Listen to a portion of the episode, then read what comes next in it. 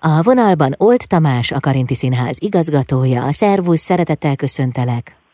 Szervusz, köszöntöm a hallgatókat. A bűvös szék bemutatója lesz a Karinti Színházban. Ugye ezt most te rendezed, ha jól tudom, egyébként Selmeci be a átdolgozása nyomán. Így van, így van. Én, én rendezem most ezt az előadást. Ugye mindenképpen szerettünk volna a Karinti Színházba újra egy Karinti darabot műsorra tűzni, és olyan darabot kerestem, ami, ami nem túl játszott, vagy nem túl ismert. Ugye a tanár úr kérem már műsoron van, a bűvösszék ugye pedig egy egyfelvonásos a Karintinak, méghozzá inkább abból is inkább egy ilyen villámtréfája, tehát az egész nem tudom, 8 oldal vagy 10 oldal, és Elmetszi a volt ez a dramaturg, aki nyomozott és keresett még egyéb karinti fárszokat, jeleneteket, szövegeket, megpróbáltuk szervesíteni ebbe.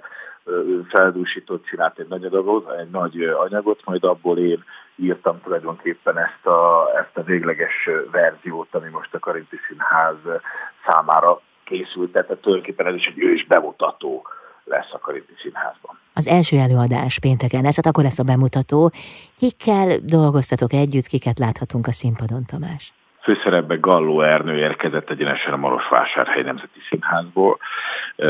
Ernő egy igazán virtuóz, és egy olyan fantasztikus színész, aki úgy gondolom, hogy nagyon-nagyon hamar hatalmas népszerűségre fog szert tenni Budapesten is. Ő először lép a Karinti Színház színpadára, csak úgy, mint a csodálatos Kubik Anna, aki, akivel már korábban volt alkalma máshol együtt dolgozni, de ő is először lép a Karinti Színház deszkáira. De ezen kívül természetesen feltűnnek benne olyan ö, alkotók, akiket már ismer a Karinti közönsége, mint Balázs Andi, mint Német Gábor, de, de lesznek egészen ifjak is, mint Karácsony Gergely, vagy, vagy Móri Viki, vagy Sóvári Fehér Anna.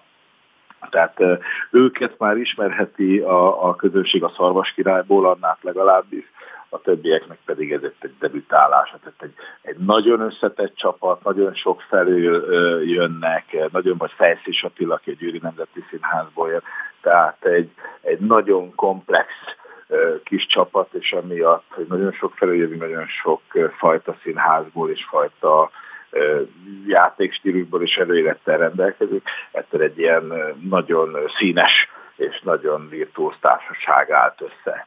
A hamisíthatatlan karintiféle humor, hát bizonyára megjelenik ebben a darabban is. Mi az, amit el tudsz mondani a történetéről? Nagyon egyszerű az alapvetés és az alapötlet, az egészen nagyszerű. Van az államtitkár irodájában játszódik az egész cselekmény, ez az államtitkár, ez a, a, a, a szabadalmi hivatalban dolgozik, és van egy mellőzött feltaláló, aki csodálatos találmányokkal jön, és hát nyilván egy korképet is megjelent ezzel, de ezek a találmányok nem kellenek, mert inkább a panamázás az, ami nagyobb hangsúlyt kap, tehát inkább ilyen olyan feltalálatokat részesítenek előnybe, aki nem tudom, feltalálta, hogy hogy tudja meghosszabbítani a női kalaptűket, vagy a világító köpőládát, hogy az ember éjszaka is tudja hová kell köpni. És akkor ilyen semmire kellő találmányokkal talicskázzák kifelé a pénzt, és, és, és panamáznak a század előtt. Persze ilyen soha máskor a történelemben nem fordult, és nem fordulhat elő. Természetesen De hogy? a feltaláló ezt megelégeli, és a feltaláló készít egy széket, amiben, hogyha az ember beleül, akkor azonnal kimondja, amit gondol, elkezdi elmondani az igazat.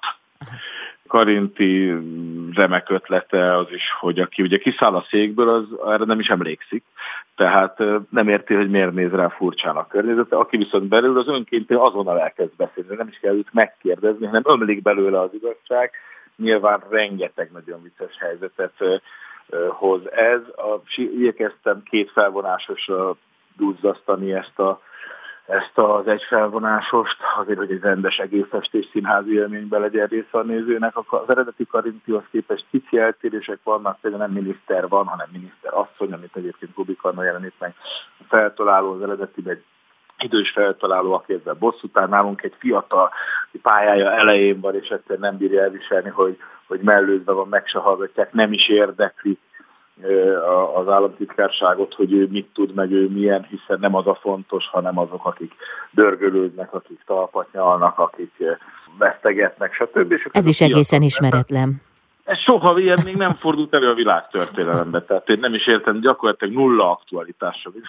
És elmegyek, mindig ezt szokták kérdezni, hogy a jó színdarab, meg a jó téma, az, az gyakorlatilag mindig vonatkozhat mindenre, és hát a Karinti is egy ilyen jó szerző és jó téma.